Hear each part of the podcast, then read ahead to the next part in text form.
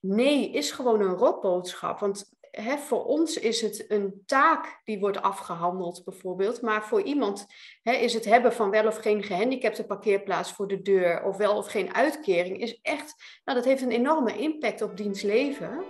Uh, en als je laat merken dat je daarin uh, in meeleeft, uh, dan doet dat ook al heel veel. Mensen, iedereen wil gewoon gehoord, gezien en begrepen worden. Zo simpel is het.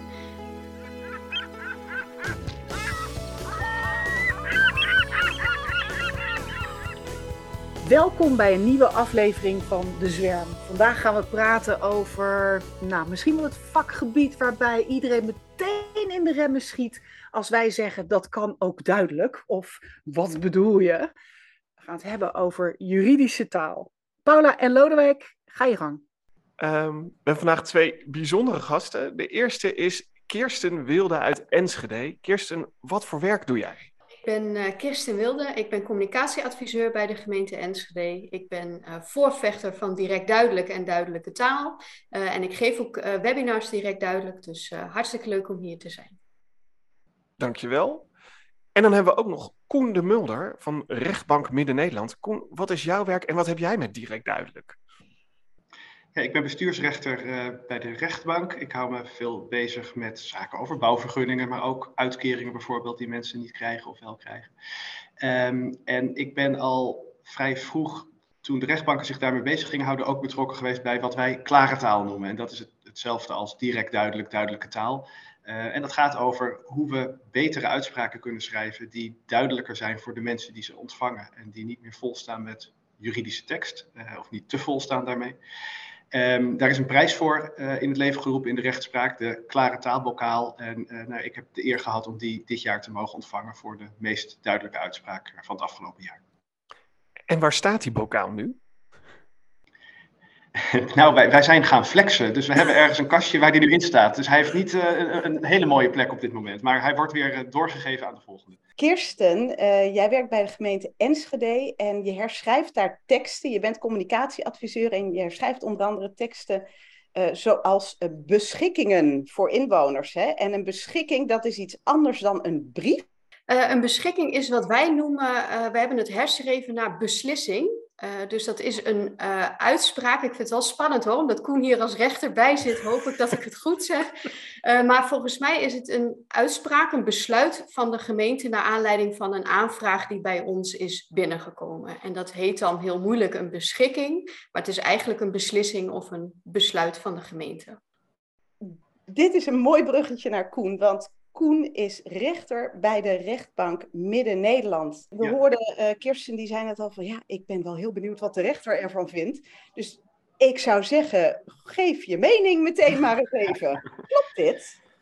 Nou ja, kijk, als de gemeente zo'n zo'n besluit neemt, zo'n beschikking over iemands uitkering bijvoorbeeld, of die, uh, die wel of niet krijgt, en, en iemand is het daar niet mee eens, dan is de volgende stap dat je naar de rechtbank gaat. En dan kan zo'n zaak bij mij terechtkomen.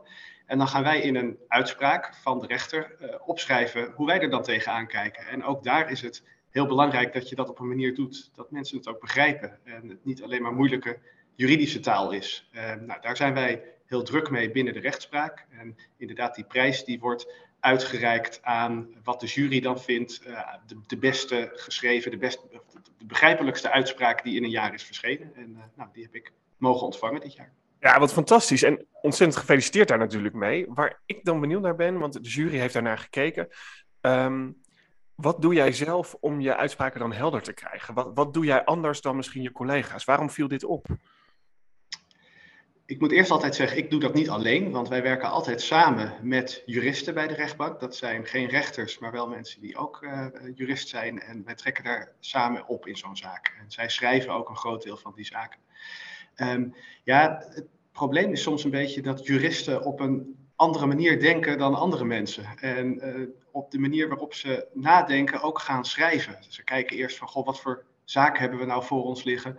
En bijvoorbeeld zo'n zo bijstandsuitkering. En dan gaan we kijken welke regels gelden er dan. En hoe moet je nou in het algemeen naar die regels kijken. En pas na heel veel inleidende dingen kom je dan aan de zaak zelf toe. Terwijl als iemand geen uitkering krijgt, dan wil hij gewoon weten waarom niet. En dan kan je maar beter daarmee beginnen.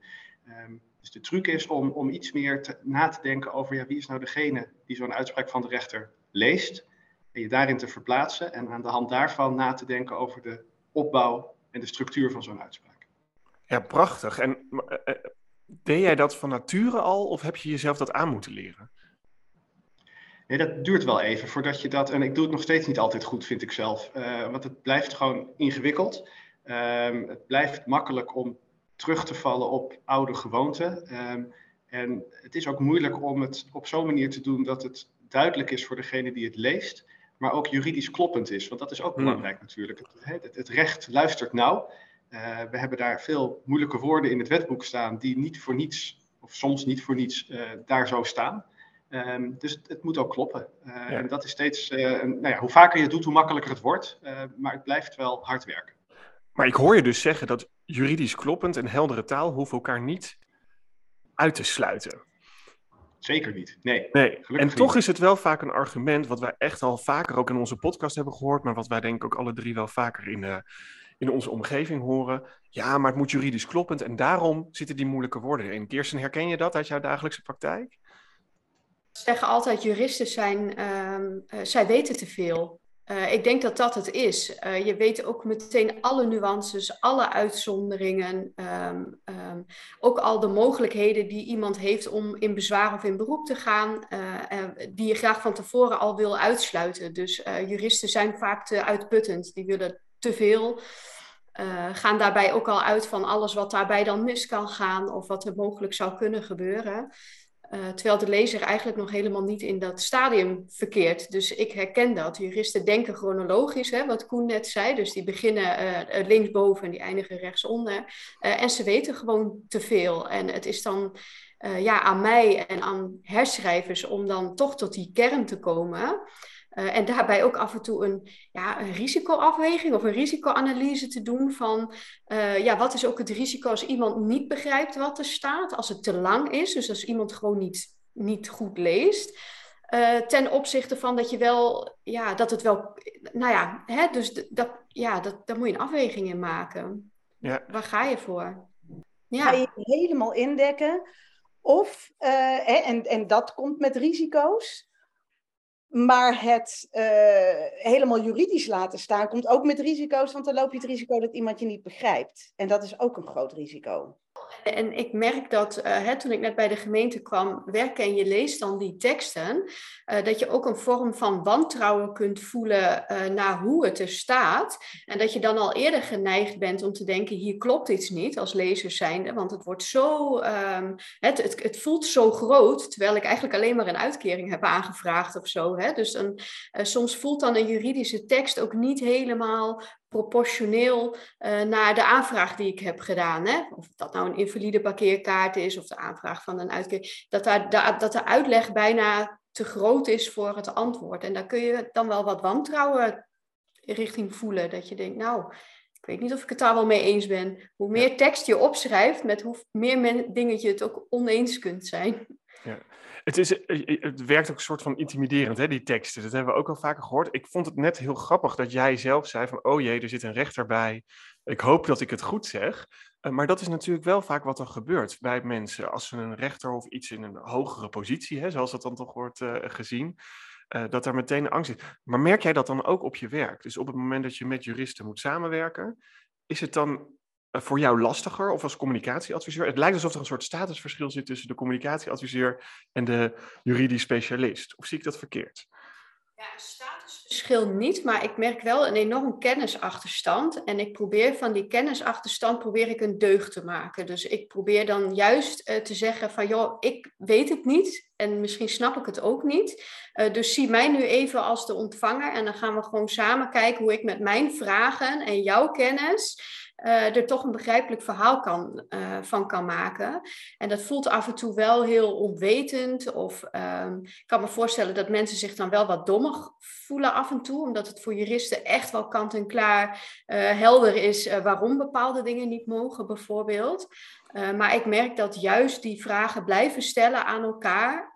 Um, zonder inderdaad een gevoel van status verschil, dat dat wel de meest open en mooie gesprekken opleveren, die uh, ook inzicht geven in elkaars werk, vakgebied en even je uit je bubbel halen, weet je wel. Dus ja. dat werkt goed.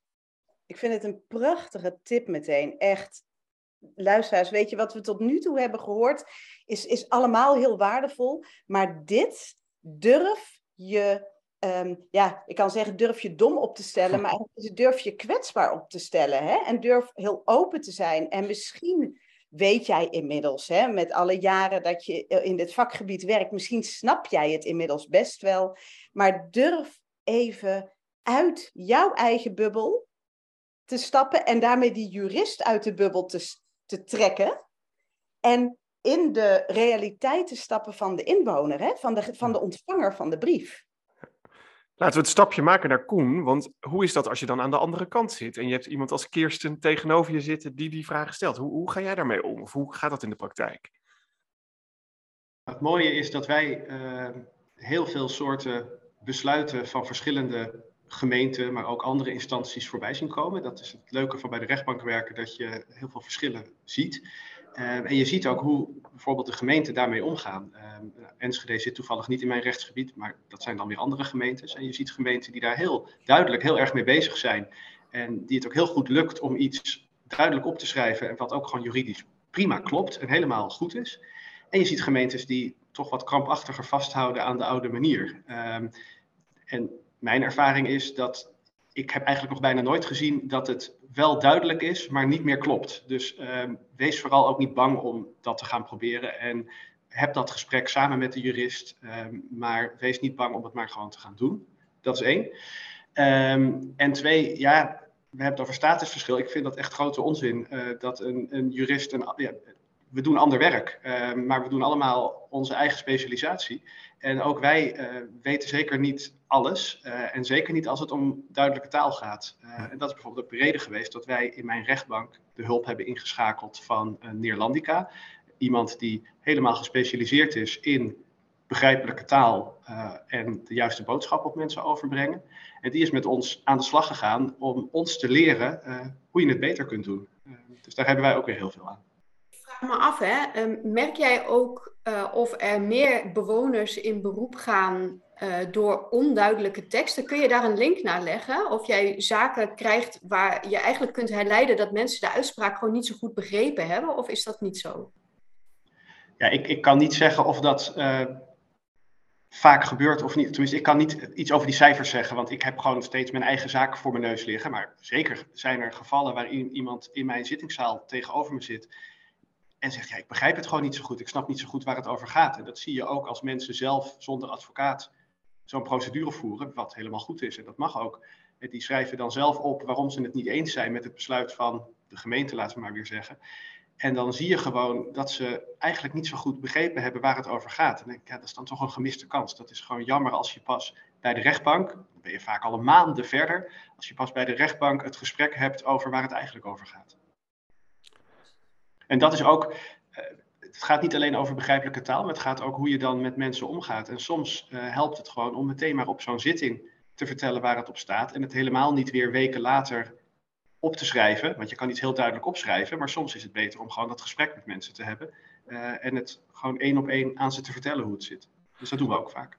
En waar komt toch, uh, Kirsten, die angst vandaan? Want ik herken dat denk ik ook wel vanuit gemeentes. De angst vandaan dat als je meteen zegt waar het op staat, dat dat te direct is of te onaardig misschien ook wel. Ik kan me voorstellen dat alles natuurlijk een gevolg is van actie-reactie. Dus het zal in het verleden gewoon niet goed bevallen zijn. Uh, um, en ik denk dat ook de samenleving, het maatschappelijk humeur is nu uh, ook gewoon heel anders. En ik merk dat wij zelf nu als gemeente ook een doorvertaling willen maken naar, um, oké, okay, iets is afgewezen bijvoorbeeld, hè, of we gaan iets niet doen, of je komt ergens niet voor in aanmerking, maar wat kan dan wel? Dus dat we focus mhm. hebben op wat handelingsperspectieven. Uh, kunnen we mensen doorverwijzen? Kunnen we mensen nog tips geven? Kunnen mensen hun aanvraag aanpassen, waardoor ze misschien wel in aanmerking komen? Dus een beetje wat after sales uh, doen, uh, om dat toch wat zachter te laten landen. Want nee is gewoon een rotboodschap. Want hè, voor ons is het een taak die wordt afgehandeld, bijvoorbeeld. Maar voor iemand hè, is het hebben van wel of geen gehandicapte parkeerplaats voor de deur, of wel of geen uitkering, is echt, nou, dat heeft een enorme impact op diens leven. Uh, en als je laat merken dat je daarin uh, in meeleeft, uh, dan doet dat ook al heel veel. Mensen, iedereen wil gewoon gehoord, gezien en begrepen worden. Zo simpel is het. dus ehm, ja, daar, die slag proberen wij nu te slaan. Ja, te maken. Het woord waar ik de hele tijd aan moet denken als ik jullie zo hoor praten is menselijke communicatie. we kunnen het hebben over begrijpelijk. We kunnen, we kunnen het beestje allerlei namen geven. Maar wat jullie doen is menselijk communiceren. Uitgaan vanuit de mens die het leest en die het mag gebruiken. Maar ik, ik, ik zie ook in die uitspraken dat je als rechter niet alleen het bij de feiten houdt en bij de hè, begrijpelijke taal en dat het heel erg duidelijk moet zijn, maar dat daar ook zoveel menselijkheid in zit en inschattingsvermogen van wat heeft die ander nodig om te horen, zodat hij kan begrijpen waarom ik dit zeg. Ja, dat, dat klopt helemaal. En daar zijn we. Um, daarom gaat het verder dan alleen maar een moeilijk woord af en toe vervangen. Het gaat inderdaad om, om het geheel van, van wat, je, wat je boodschap is en hoe je dat opschrijft. En wat wij niet willen, en wat vroeger toch vaker gebeurde, is dat iemand naar de zitting kwam, zijn verhaal deed.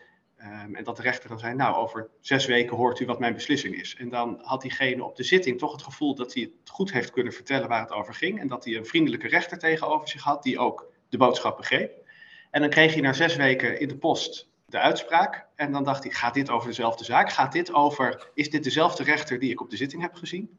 Ja. Um, dat willen we niet meer. En we willen dat degene die die uitspraak krijgt, ook als hij geen gelijk krijgt, ook als hij geen gehandicapte parkeerkaart krijgt, in ieder geval terugleest waar, dat de rechter zijn argumenten heeft gehoord en dat de rechter daar ook iets van vindt. En dat de rechter uitlegt waarom die argumenten niet tot een succesvol einde leiden voor deze persoon. Ja.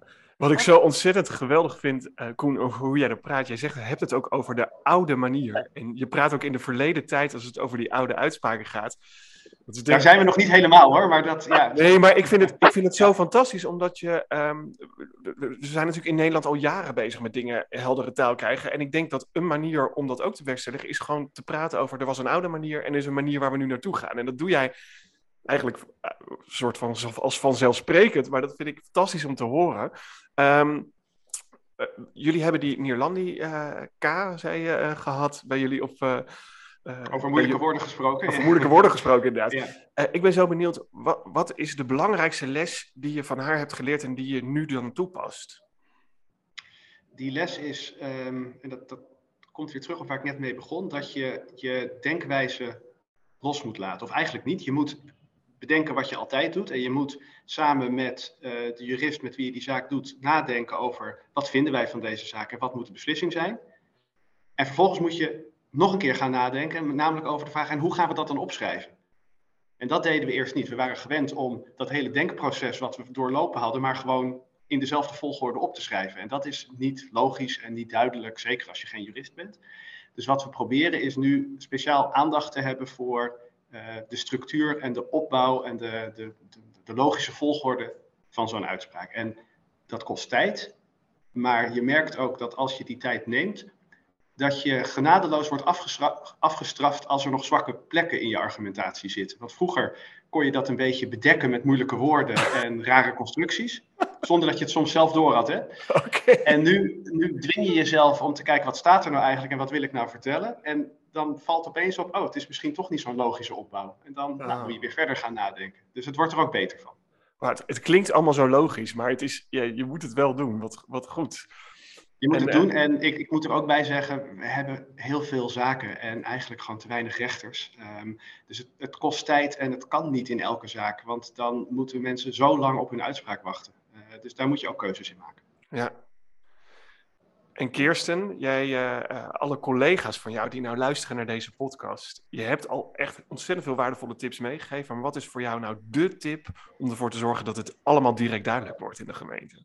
Dus ik geef webinars uh, direct duidelijk, waarbij ik ook meteen ehm, nou, mensen de tip geef, is een brief wel het juiste middel? Moet je niet eerst even bellen? Moet je niet eerst even langsgaan?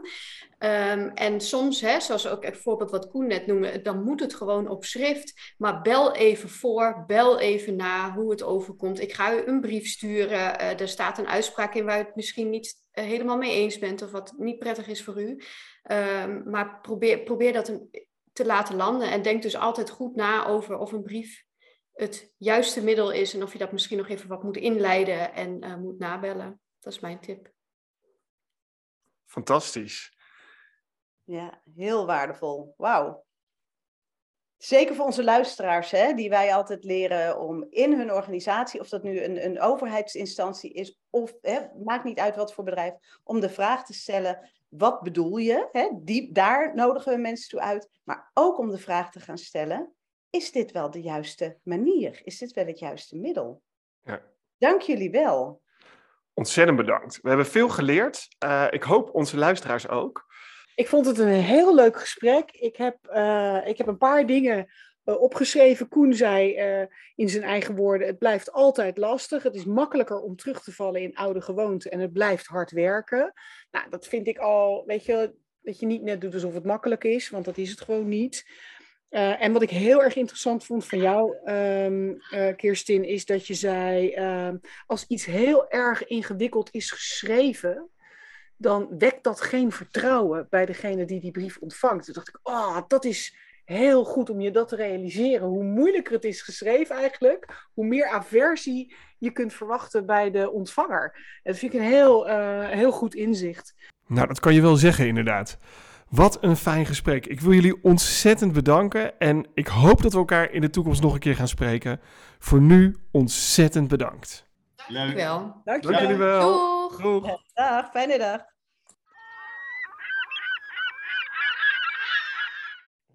Ja, waar ik heel blij verrast uh, over ben, is dat het dus echt niet meer alleen meer maar gaat over begrijpelijke taal. Dat we dat stadium echt in ieder geval in een aantal organisaties uh, al gepasseerd zijn. Ja. Dat we die stappen verder gaan van waar, waarom doen we dat dan, die begrijpelijke taal? En wat is er dan nog meer nodig?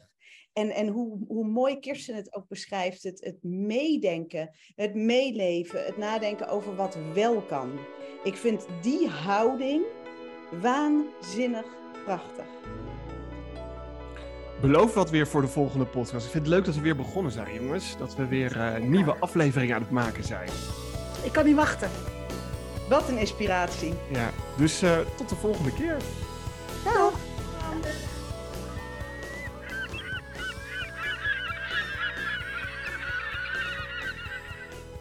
Wat leuk dat je luisterde naar Wat bedoel je? Een podcast van De Zwerm. En De Zwerm, dat zijn jij en wij Sanne Boswinkel, Paula van Gemen en Lodewijk van Noord. Heb je tips of vragen? Laat ze aan ons weten. Reageer via LinkedIn of gebruik WhatsApp op onze website watbedoeljepodcast.nl. Mailen kan natuurlijk ook en dat kan naar dezwermpodcast gmail.com. Vind je dit een interessante podcast? Abonneer je dan op de podcast om ook de volgende aflevering niet te missen. En laat vooral een review achter, zodat we beter vindbaar worden voor nieuwe luisteraars.